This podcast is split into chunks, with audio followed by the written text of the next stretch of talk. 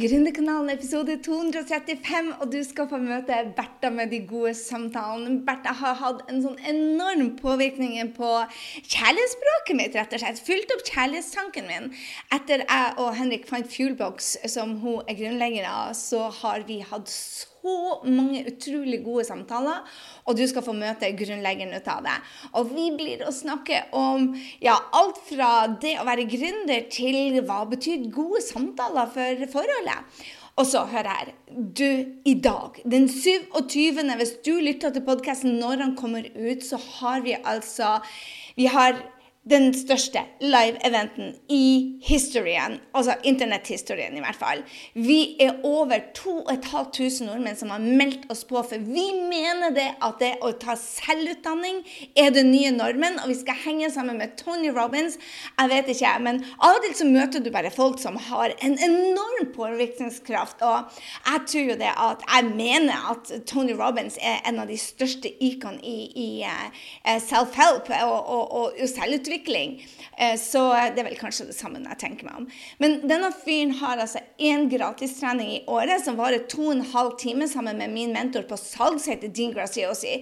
De to skal kjøre en, en, en event hvor de deler hvordan du kan ta Én, ta livet ditt til neste nivå. Og to, ta det som har skjedd med deg, din kunnskap eller andres kunnskap, og lage det til en egen bedrift. Er dette bare til gründere og wannabes? Nei. Men den fyren der, han vekka meg. Det var han som i 2010 klarte jeg å få denne jenta til å begynne å leve mer, til å begynne å elske mer, til å tørre å være mer. Så han vil ha et, et forrykende tempo!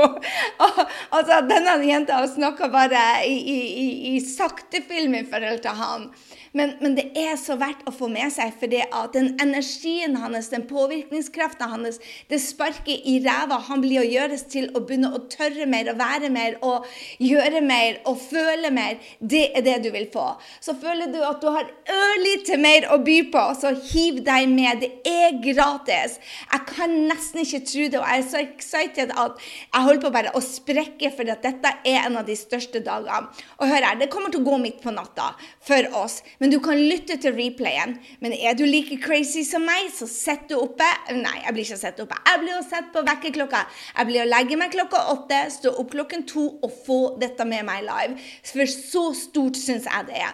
Jeg håper du setter av tid uansett til å se det kanskje fredag, lørdag eller søndag, men få det med deg, for det ligger bare ute noen få dager. Og er det noe som jeg vil anbefale deg det er, så er det virkelig til å ta livet ditt til nye høyder.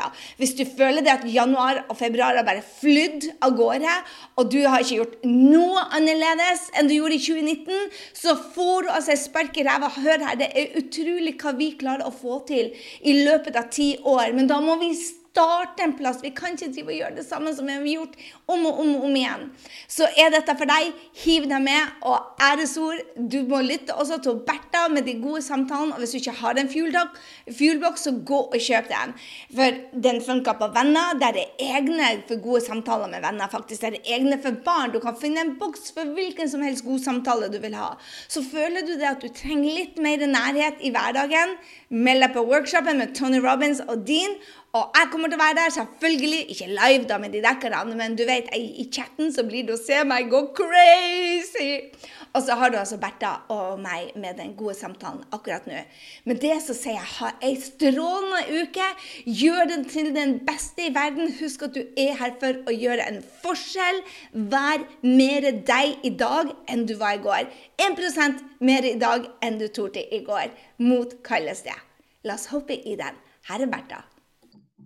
Velkommen tilbake til Gründerkanalen. I dag har jeg en superspennende gjest med meg. Hun har virkelig endra ekteskapet til meg og Henrik. Og hvis du vil ha et bedre forhold med venninne, med ekteskapet, til og med med ungene dine, så er dette episoden for deg. Og velkommen, Bertha. Jeg er så excited for å ha deg med her på Gründerkanalen i dag. Tusen takk, Gry. Veldig kjekt og spennende å være med her. Du, Fortell litt, for de som ikke vet hvem du er, fortell litt om deg sjøl og, og, og, hva du driver på med. Og hvordan har du egentlig endra ekteskapet vårt? Det er ikke alle som vet det, nemlig. det kan du si. Det var veldig stas å høre, da. Det ble jeg veldig glad for. Eh, nei, altså, hvem er jeg? Jeg er jo ei vanlig dame fra Jæren med fantastisk mann og fire barn. Som for eh, ja, nå er det snart sju år siden kjente at jeg savna de samtalene som jeg og min mann pleide å ha når vi, ja, i begynnelsen når vi traff hverandre. Eh, eh, vi fikk to unger til i tillegg til de to som jeg hadde fra før. Så merket jeg òg at vi liksom begynte å dette litt bakpå, vet du, ned på sofaen på kveldene. og Aller helst foran TV og gjerne med disse telefonene i hendene. og jeg kombinasjonen av både savne de samtalene som var vår greie, og òg den der redselen for å nok en gang havne ut i en situasjon der man både slutte å kommunisere og slutte å connecte. Det, det var jeg kjemperedd for. Eh, så jeg, eh, for å få i gang på samtalen, for de, de hadde jeg, jeg, hadde mange ting jeg ville snakke om, så begynte jeg å skrive ned spørsmål. Og disse spørsmålene samla jeg i en konvolutt, og det var spørsmål om han og meg og oss og vårt liv og, og, og greier. Eh, og denne konvolutten ble stappfull. Her var det mange, mye, mye, behov. Eh, så tok jeg fram denne konvolutten en kveld med ei flaske rødvin. Og så sa jeg kan vi ikke bare trekke, så ser vi hva som skjer. Og det var egentlig starten. Eh, wow på, på, på dette eventyret. ja. altså, så, så, det begynte egentlig med eget behov, da. For, det, for jeg må si det, når jeg og Henrik har med oss Fuelbox, som, som du hvor, hvor, kom det navnet forresten fra? Det lurer jeg jo på. Ja. Når vi tar opp Fuelboxen og, og, og, har de samtalene når vi er på ferie eller på en lørdagskveld, så, så setter jeg i gang. Vi kan bruke bare på ett kort, på ett spørsmål, så kan vi bruke liksom 45 minutter og bare fordype oss ned. Og vi har vært gift i 23 år, Bertha, og enda så lærer jeg så mye av, av kortene dine, i, altså av, med mannen min. Ja. Og meg sjøl òg, så du, du, virkelig har endra vårt eh, forhold. Vi er tilbake omtrent der vi var.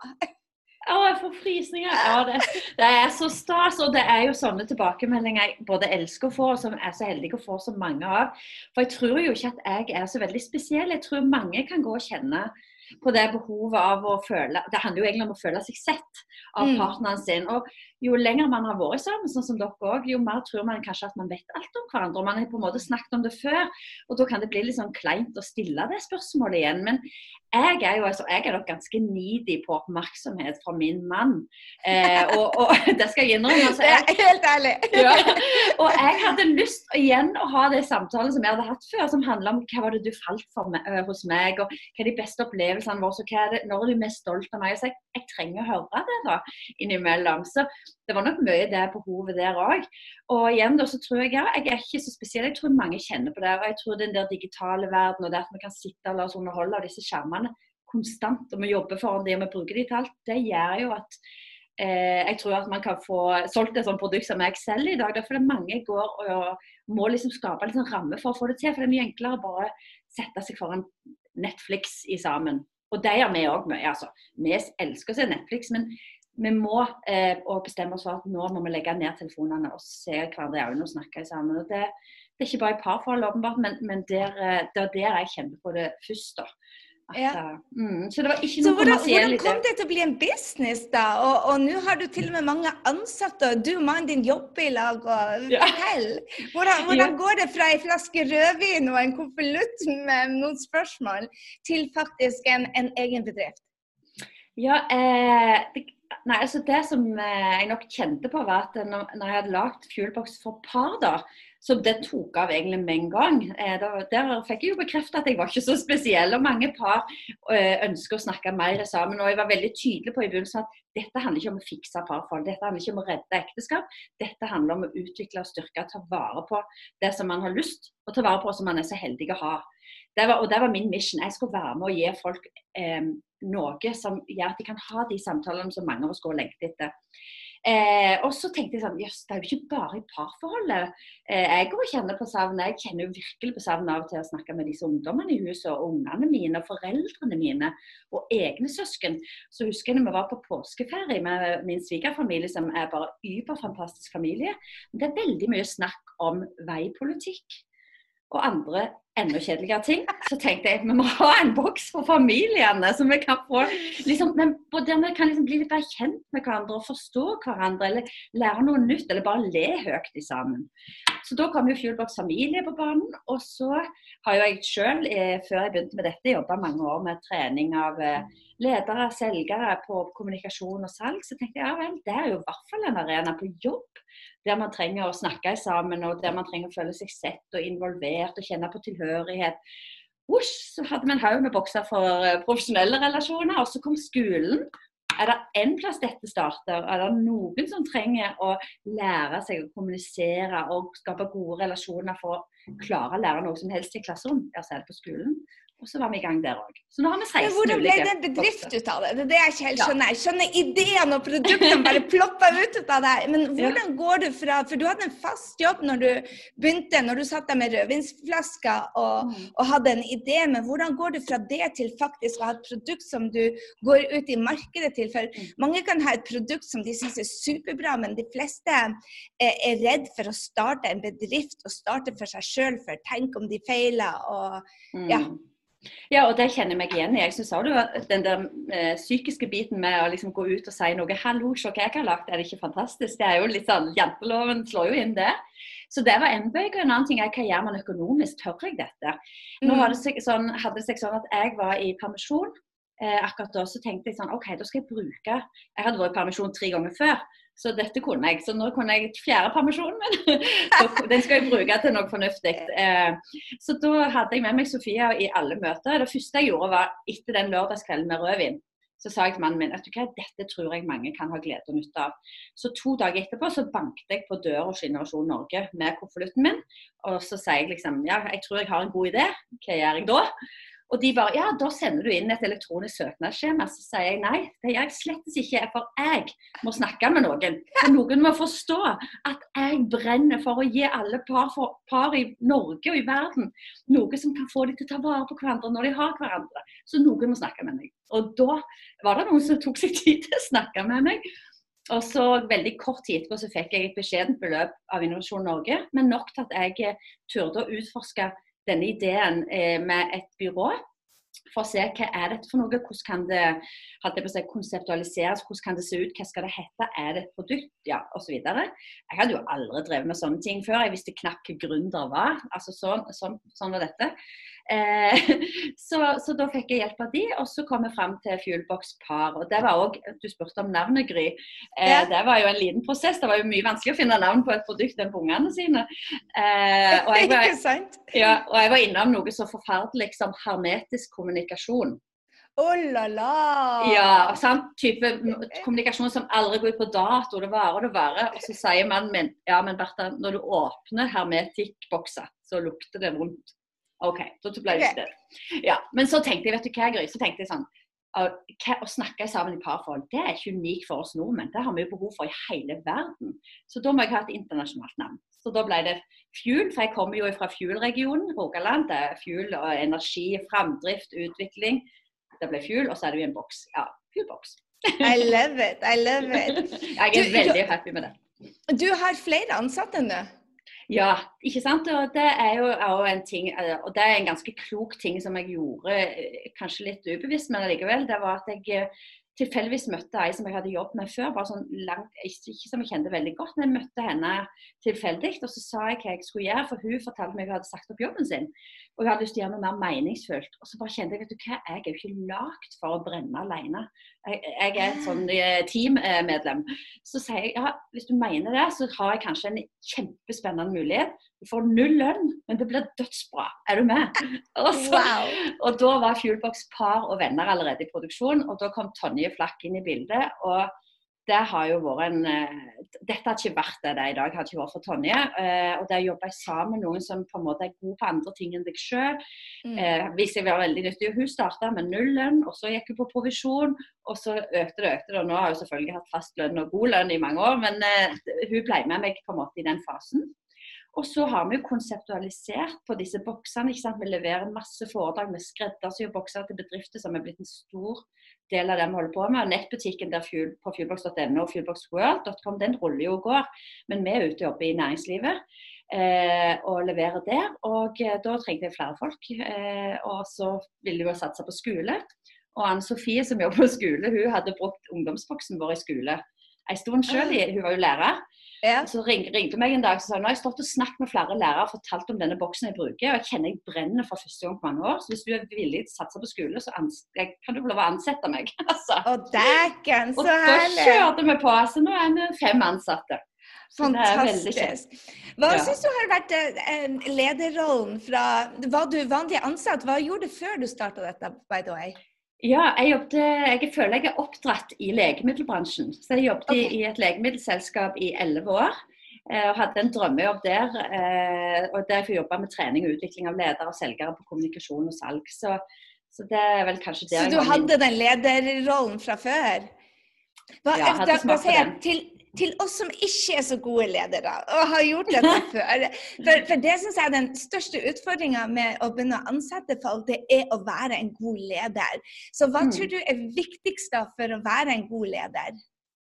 Veldig godt spørsmål. Jeg, jeg er enig med deg, jeg syns òg det er ganske utfordrende. og Min lederrolle har jo endra seg enormt de siste to åra. Eh, først jobbet meg og Tonje veldig parallelt ikke sant? Og, og, skapte dette sammen. og Var vi en sjelden gang uenige, så hadde jeg eh, siste ordet. Eh, og Så kom den ene etter den andre inn i bildet. Eh, og nå, liksom seks år senere, skal jeg være en litt tydeligere leder for Tonje. Jeg skal være leder for Anne Sofie, som har vært min leder for mange år siden i legemiddelbransjen. Eh, jeg skal være leder for min egen mann. Eh, og to andre. Så det er klart at det, når det plutselig var et faktum, så begynte jeg å kjenne litt på det. For jeg ville jo gjerne være en god leder, det er jo det vi jobber med. Så det jeg gjorde da, som jeg eh, er veldig glad for, var at jeg tok kontakt med min mentor, som er en veldig dyktig dame. Så sier jeg til henne, Marie Espedal, sier jeg, du må ha, sette av uh, to døgn til meg. Vi må ut på hytta di to døgn, og vi skal jobbe med min lederrolle. Og det gjorde vi. Wow. Og da det var så fantastisk nyttig på så mange måter. og Det som jeg kom ut av de to døgnene men sånn, Det kanskje det viktigste jeg kom ut med, var sånn Jo, jeg har lyst å være leder, og jeg vet at mine ansatte har lyst til at jeg skal være leder. Så måtte jeg bare liksom eie det litt, da. Mm. Eh, og så tror jeg at de tillater meg, og jeg ikke minst tillater meg, å, å, å, gå den stien og lære underveis. For jeg har aldri vært en, en leder med personalansvar egentlig sjøl. Og når du, brenner, når du er gründer sjøl og brenner så for produktet ditt, det å mm. delegere og gi folk ansvar og gi liksom denne babyen over til noen andre, det, det er jo litt læring. Eh, men jeg har jo så flinke folk at det, de gjør jo jobben veldig lett. da. Oh, så, ja, men eh, en mentor der man får liksom gått de rundene mm. og snakket gjennom både bekymringer og hva en har lyst til, og hvordan sjøl eh, mener ledere skal være. Vi brukte Fuelbox leder masse for å utfordre meg, ikke sant. Supernyttig. Så... Altså, herlig. Jeg, jeg, må jo, I dag når denne kommer ut, da, ikke i dag som er valentines, men når denne kommer ut den 27., så kjører jo eh, en av mine mentorer, Tony Robins, eh, en av de største treningene som jeg noen gang sett i internetts historie. Så det er herlig at du tar det opp for hvis du eh, jeg, jeg, tror at vi alle trenger en mentor på alle plan. En av de plassene som jeg ser det, at det, det er liksom akseptert i business og for personlig utvikling.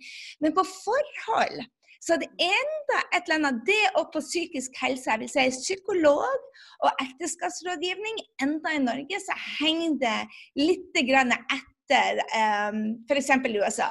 I USA, mm. der jeg har bodd nå de siste seks årene, så har vi det jo sånn at um, ja, dattera mi har psykolog, og hun sier til venninnen sin at ja, selvfølgelig har jeg det til venninnen i Norge. Altså, alle smarte folk tar, har en psykolog. Og alle smarte forhold har en ekteskapsrådgiver. Mens i Norge er det mer sånn når krisa kommer, at vi gjør det. Mm. Hva, hva, tror du om, hva tror du om Ser vi noe endring der, eller um, har dere ekteskapsrådgiver? Og, og er det med, begynner det å bli mer normalt? Jeg, jeg tenker jo det at en coach er så viktig på alle mulige måter, ikke bare business. Ja, jeg er veldig enig med deg. Og jeg tenker eh, både business og privat det henger seg sammen. Så det er vanskelig å skille iallfall føler jeg da, det er vanskelig å skille mm, den profesjonelle Bertha og den private. Så med min mentor da, så går vi inn i alle deler av mm. mitt liv. da. Eh, og ser vi en endring. Jeg tror det, jeg har eh, mange venninner i Oslo. Jeg føler det er litt annerledes i Oslo enn på Bryne. ikke sant, så By og bygd. Ah. Så det kommer liksom mer og mer til Norge, tror jeg. Eh, men jeg merker jo sånn som når vi altså disse boksene så Jeg tror at det er jo litt av grunnen til at vi blir tatt så godt imot. Fordi det er så enkelt. Man kan gjøre det hjemme. Man kan mm. ta det før det er en krise. Er, folk forstår den greia der. Men det å gå til psykolog og det å gå på parkurs, det har man på en måte ikke gjerne helt tatt inn over seg verdien av i Norge og hvor viktig det er. Og meg og min mann vi var nettopp på parkurs. Helt fantastisk. Altså, vi, Jeg var høy på oss etterpå. Vi var sånn superteam. Altså, vi koste oss den helga. Vi var på parkurs med Bianca Espen i Gjør en forskjell. Det var en så utrolig kul teambuilding. Og, og i tillegg lærer man jo mange ting og nyttig. Det var liksom Fuelbox par eh, extreme experience. Wow, særlig! ja, og det, det, på en måte deler jeg med alle som har lyst til å høre, for det er en så fin investering. Og det er jo et lite sånn steg på veien. Eh, så tror jeg veldig mange har begynt å åpne øynene opp for mentor og mentoring. Så vi har utvikla Fuelbox Mentor, som skal være en litt sånn lavterskel for å komme i gang til der prosessen med å utforske deg sjøl sammen med andre. Om det er en profesjonell mentor, eller om det er en god venninne du stoler på, eller om det er mannen din.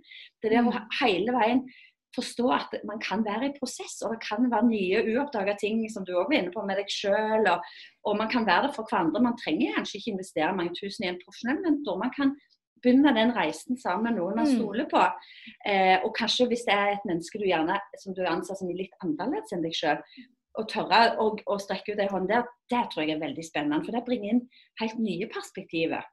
Så jeg, eh, jeg tror det er på vei. Eh, men vi har ikke tatt igjen USA på dette. Men jeg opplever at folk er nysgjerrige. Jeg tror du har rett der at det er sikkert veldig annerledes i New York enn det er på, i Mississippi, der jeg bodde, for å si det sånn. Ikke sant? Ja, ja, ja. Jeg tror ikke de går til psykolog, for å være helt ærlig.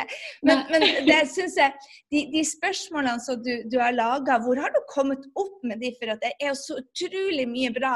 Jeg ser jo jeg og Henrik har vært på ekteskapskurs. Jeg elsker forresten Bianca og Espen, og det er fantastisk. Um, men jeg, jeg går på vi har gått på ekteskapskurs nå siden i 1996. Da vi fikk Jakob, begynte vi. Og gjennom barne- og ungdomspsykiatrien. For det å få barn for oss 26 år, det var, bare, det var, det var virkelig en utfordring, for å si det sånn. Så vi starta veldig tidlig med dette. Men jeg syns jo det at de spørsmålene dine tar opp Det skulle nesten tro at du var, hadde gått alle kursene vi har gått. For vi har virkelig gått alle ekteskapskursene der er der ute. Både i USA og Norge. Og, ja. Og, og jeg kjenner igjen spørsmålene dine. Mm.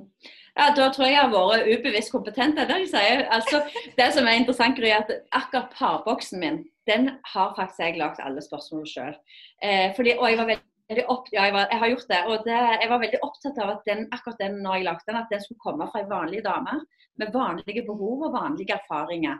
Mm. Eh, det er klart, Jeg hadde vært gjennom et samlivsbrudd, så jeg hadde vært gjennom det som har vært min største livskrise. da, det bruddet der, Og jeg var veldig sånn, bevisst på de tankene og den erfaringen jeg hadde derfra når jeg lagde boksen. Hva er det viktig å snakke om, hva vi trenger å minne hverandre på osv. Så, videre. så det er hyggelig at du hører at det, at det, heng, at det virker litt sånn profesjonelt. Det er så absolutt. så, det, så det er jeg veldig stolt av. Men alle andre bokser som vi har utvikla siden da, har vi jo med oss profesjonelle fagfolk. Alt fra eh, psykologer, organisasjonspsykologer, og professor ditt og datt. Og vi jobber alltid med eksperter for å sikre at det vi adresserer, det vi lager gode spørsmål og samtaler om, er viktig og riktig for de ulike relasjonene. Fordi det er veldig forskjellige fuelboxer. ikke sant? Fuelbox-ledere, og mentor og venner og familie, men de handler om det samme. Sant? Det handler om å få folk til å engasjere seg i dialog og være nysgjerrige på hverandre eh, og, og, og, utvikle og styrke relasjoner. Mm. Men, men, så er jeg også litt opptatt av at vi har jo ikke inkludert i noen av våre bokser det viktigste spørsmålet av alle i hele verden, mener jeg. Og det kan jo kanskje være litt dumt når man lever av å selge spørsmål. holdt jeg på å si, for å si det enkelt. Ja, ikke sant? For hva er det viktigste spørsmålet? Og det skal jeg komme til, for det Vi får veldig mye tilbakemeldinger ikke sant, fra folk som, sånn som du og Gry gir meg nå, som jeg blir veldig glad for. Og mange sier sånn Å, den boksen er helt magisk. Så tenker jeg nei, den er jo ikke det. For magien skjer jo mellom de to som trekker fra boksen. Mm. Så det viktigste spørsmålet er alltid oppfølgingsspørsmålet. Sant? når vi utforsker svarene til hverandre, det er da vi lærer noe nytt. For det er jo å være nysgjerrig. Så hvis mm. du eh, og din mann trekker spørsmålet ja, la oss si, hvor skulle din aske bli spredt? Og så sier du ah, det skulle være Hyde Park, f.eks. Så sier han å, så spennende, og så går dere videre. Det er jo ikke interessant. Nei, nei, nei. Han, Det som er spennende, er jo hvis han sier Wow, Gry. Hyde Park. Fortell, hva skjedde der? Hva er linken? Hvorfor Hyde Park? Hva- Sant vel? Når vi utforsker svarene med oppfølgingsspørsmål. Det er clouet. Ja, ja, ja, jeg er helt enig. Det er derfor vi bruker så lang tid. Og det er så morsomt du spør det, for jeg og Henrik tror jeg hadde det spørsmålet nå når vi var i Thailand sammen. Og, og, og vi vet nøyaktig nå hvor vi Det var gjennom en coaching så har jeg skrevet hvor jeg vil bli gravlagt, og hvor, hvordan jeg vil ha det.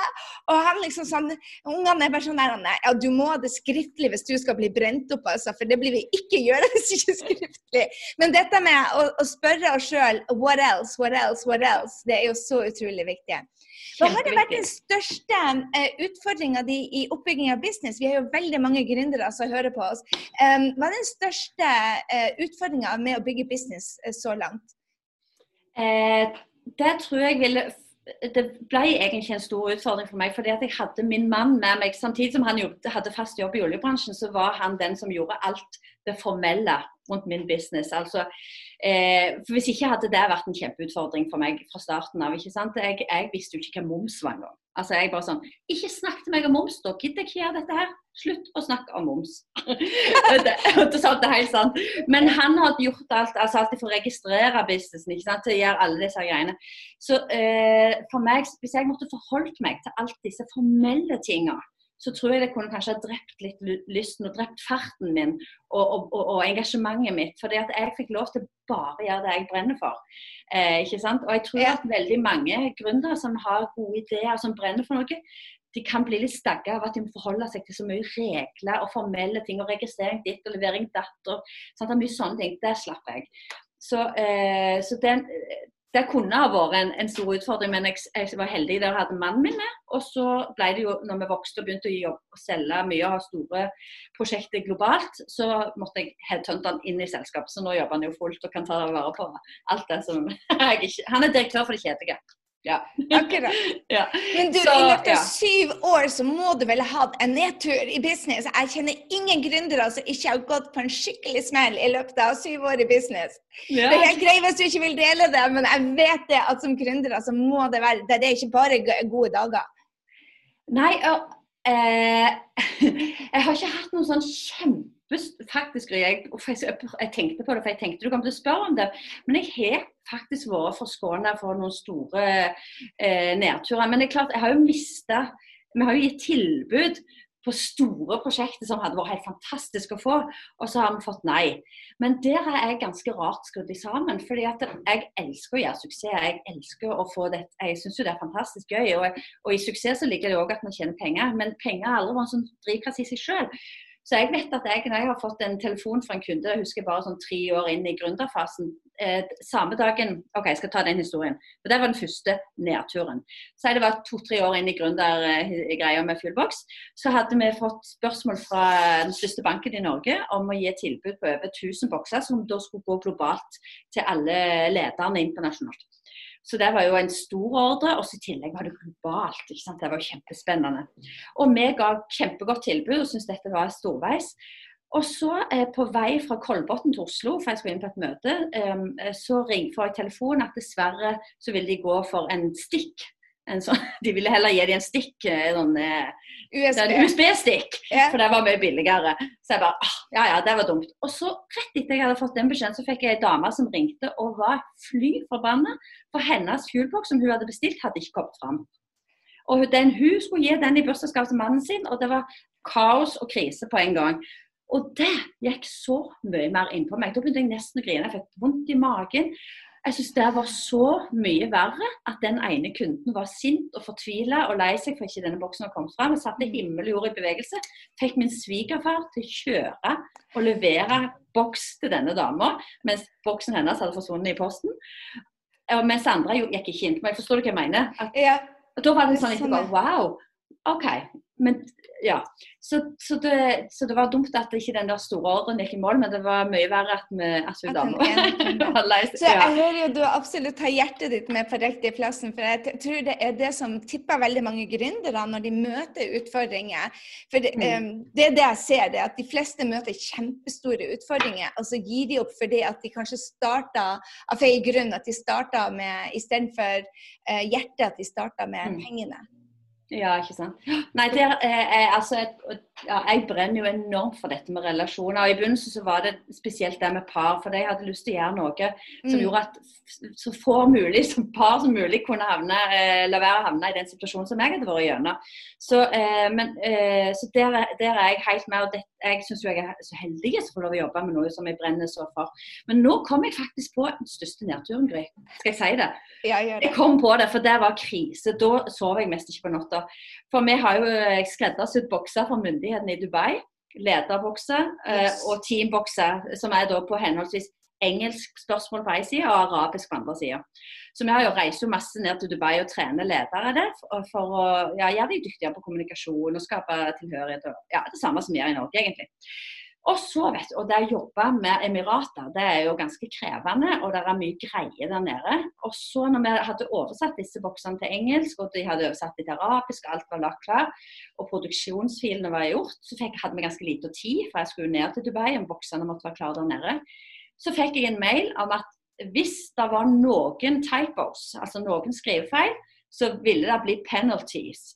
Fordi Her, ja, fordi Her, Majesty dr.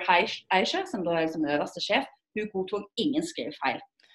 Og vi bare mm, Det kan jo faktisk skje, ikke sant, at det er mm. skrivefeil eh, når du har 180 spørsmål i en boks. Og jeg bare, Men vi har det så travelt. Jeg har kikket gjennom dette så mange ganger. Vi bare setter i gang og produserer. Så produserer vi, og så finner vi sju skrivefeil. Oi. Og det var jo min feil, selvfølgelig. Og det ble så Vi måtte jo rette opp eh, før vi sendte det til Dubai. Så vi fikk hastverk de luxe, og vi fikk altså ekstraregning på ganske mange titusener. Men vi måtte jo bare gjøre det. Og heldigvis, det sa jeg til alle i teamet mitt, takk Gud for at det var min feil. For hadde det vært noen av de andre sin feil, jeg hadde ikke lagt noe nummer ut av det, men de hadde jo kjent så på det. Ja. Så det var min feil, så vi lagde en stor fest. Og jeg fikk diplom for denne fatale feilen, som da var den største, største og mest kostbare feilen i Fuelbox sin historie. Men araberne var kjempehappy og merka ingenting. Å, så herlig. Ja, du, var... Før vi avslutter, det, det var så inspirerende å høre på deg. Du, før vi avslutter, jeg vil eh, spørre deg um, hvordan er det det uh, hvordan, Du har fire barn, og du jobber sammen med mannen din, og du driver et firma med fem ansatte, inkludert deg og mannen. Men hvordan er, det du, hvordan er det du håndterer hverdagen? Hva er det sånn leveregler som holder deg fokusert, sånn at du prioriterer riktig? For at det kan være overveldende å ha både en lederrolle og en mammarolle, kjæresterolle, venninnerolle og alle de her. Hva er det du gjør for å, å være sein i gjerningsøyeblikket? Ja, du, Godt spørsmål. og Jeg tror det òg har vært en prosess, faktisk. Men det som jeg kan fortelle er at det, etter to år inn i gründerreisen min, så bestemte jeg meg for å ikke jobbe på kvelder. Overhodet. Eh, med unntak hvis mannen min er ute og reiser, så kan det være jeg jobber. Men jeg jobber aldri på kvelder. Fordi man blir aldri ferdig uansett. Eh, så det har gjort at jeg får pause. For ellers er jo dette i hodet mitt konstant ikke sant? på alle mm. mulige måter. Også når jeg er på ferie. Men da har jeg iallfall klart å få en sånn pause. Eh, det er én ting. Og det andre er jo at jeg jobber jo med relasjoner. Så det er alt vi driver med i mitt selskap alle med sex. Det handler om å få folk til å snakke mer og bedre sammen, men det handler jo om relasjoner. Så for, Da har det blitt sånn at vi skal walk the talk, alle vi i mitt selskap. Så da får heller ting liksom skyves på. Så vi skal prioritere våre egne relasjoner. Og det er jo selvfølgelig først og fremst mine egne barn og mannen min. Og så er det foreldre og venner og ut gjennom. Det har vi vært veldig bevisst på, for det er nesten en del av konseptet vårt. ikke sant? Klart. Eh, men når det er sagt, jeg er elendig mor innimellom. Altså det, eh, min sønn sier det. Ja vel, du går for årets mortittel i gjenserie når jeg kommer med Grandiosa andre gang denne uka. Så det, jeg føler ikke jeg leverer opp til den standarden jeg har lyst til på, på matlagingssida. Det skal jeg innrømme. Jeg får heller ikke trent så mye som jeg gjorde før, og som jeg ønsker. Men det, det er en prosess. Jeg skal få det òg opp og gå. Og det jeg har eh, nå det siste halvåret, etter jeg hadde den der eh, to døgns eh, ledertreningen for meg sjøl, så har jeg blitt sjukt mye flinkere på å delegere. Så min hverdag i dag kontra eh, februar i fjor totalt annerledes. Jeg har så mye mindre å gjøre enn jeg hadde, fordi at jeg har klart å delegere ansvar på en helt annen måte. Og det der, der er, jeg er i øvelse der. Ja, men det er jeg òg. Det er jo en prosess, ikke sant. Det er virkelig, men, men det må man bare gjøre. Og så er jo det som skjer hver gang altså Det første jeg delegerte til noen andre, var det vanskeligste, og det var å sende bokser. Sånn, skrive adresse på bokser, liksom. Jeg skrev de, ja, ja, de første 6000 boksene sendte jeg, skrev jeg adressen for hånd og sendte sjøl. 6000. Wow. Så nå etter det nå er det jo altså skoleprosjektet, jeg tar ikke i det. Anne Sofie styrer alt. Eh, vi har utvikla bokser for Skatteetaten, for eh, Personalhuset, for Athea. Tonje har styrt alt. Eh, så det, vi har masse ting som skjer i selskap som jeg nå ikke tar i. Og det går jo fantastisk. Så det er noe man, når man ser at det går, så er det mye enklere. Ja, klart det. Ja, ja, ja. Tusen, tusen, tusen takk, Bertha. Du er bare helt uh, fantastisk. Og de boksene, hvis du ikke Hvor er det man kan få tak i de? De lurer sikkert bare Jeg må ha en sånn! Jeg vil òg et bedre forhold! Og det er den som jeg har. Uh, jeg skal ta den andre og den med leder. Det var kjempe Jeg skal virkelig gå og, og utforske det. Men hvor er det vi får tak i det? Er det fuelbox.com eller fuelbox.no? Ja, det er på fuelbox.no. Der får du tak i alle, både de norske, svenske og danske boksene. Og så er det fuelboxworld.com. Så fuelbox.no, norske side, og fuelboxworld.com eh, hvis du er utenfor Norge. Tusen, tusen takk, Bertha. Og for dere som er her på Gründerkanalen, tusen takk for dere henger med oss. Gå gjerne inn og kjøp en boks i dag. Og hvis du vil ha en, en mentor som du ser sånn så her på video, så for all del får med deg treninga til min første mentor. Um, Tony Robins gjør én slik trening i året. Det er i dag den 27., så lytter du til denne, få den med deg. Det er noe av det beste som skjer i hele verden. Den skjer én gang i året. Og jeg må bare si til deg, gå inn og få den med deg. Du finner på grysyni.no. Der finner du også linken til Bertha. Du kan følge henne på Instagram og få daglig inspirasjon. Du er nesten der hver daglig, er du ikke det, Bertha? Jo, nesten. Det er ja. som mannen min sier, nå må du vel inn så ikke folk tror du er død. Oh, ja, jeg syns du er super. Og det var så herlig å se at dere var på skiferie, og jeg elsker ja. å følge storyene dine. Tusen takk for at du tok deg tid til å inspirere oss. Du er virkelig ei ledestjerne, Bertha. Tusen takk, Gry. Takk skal du ha.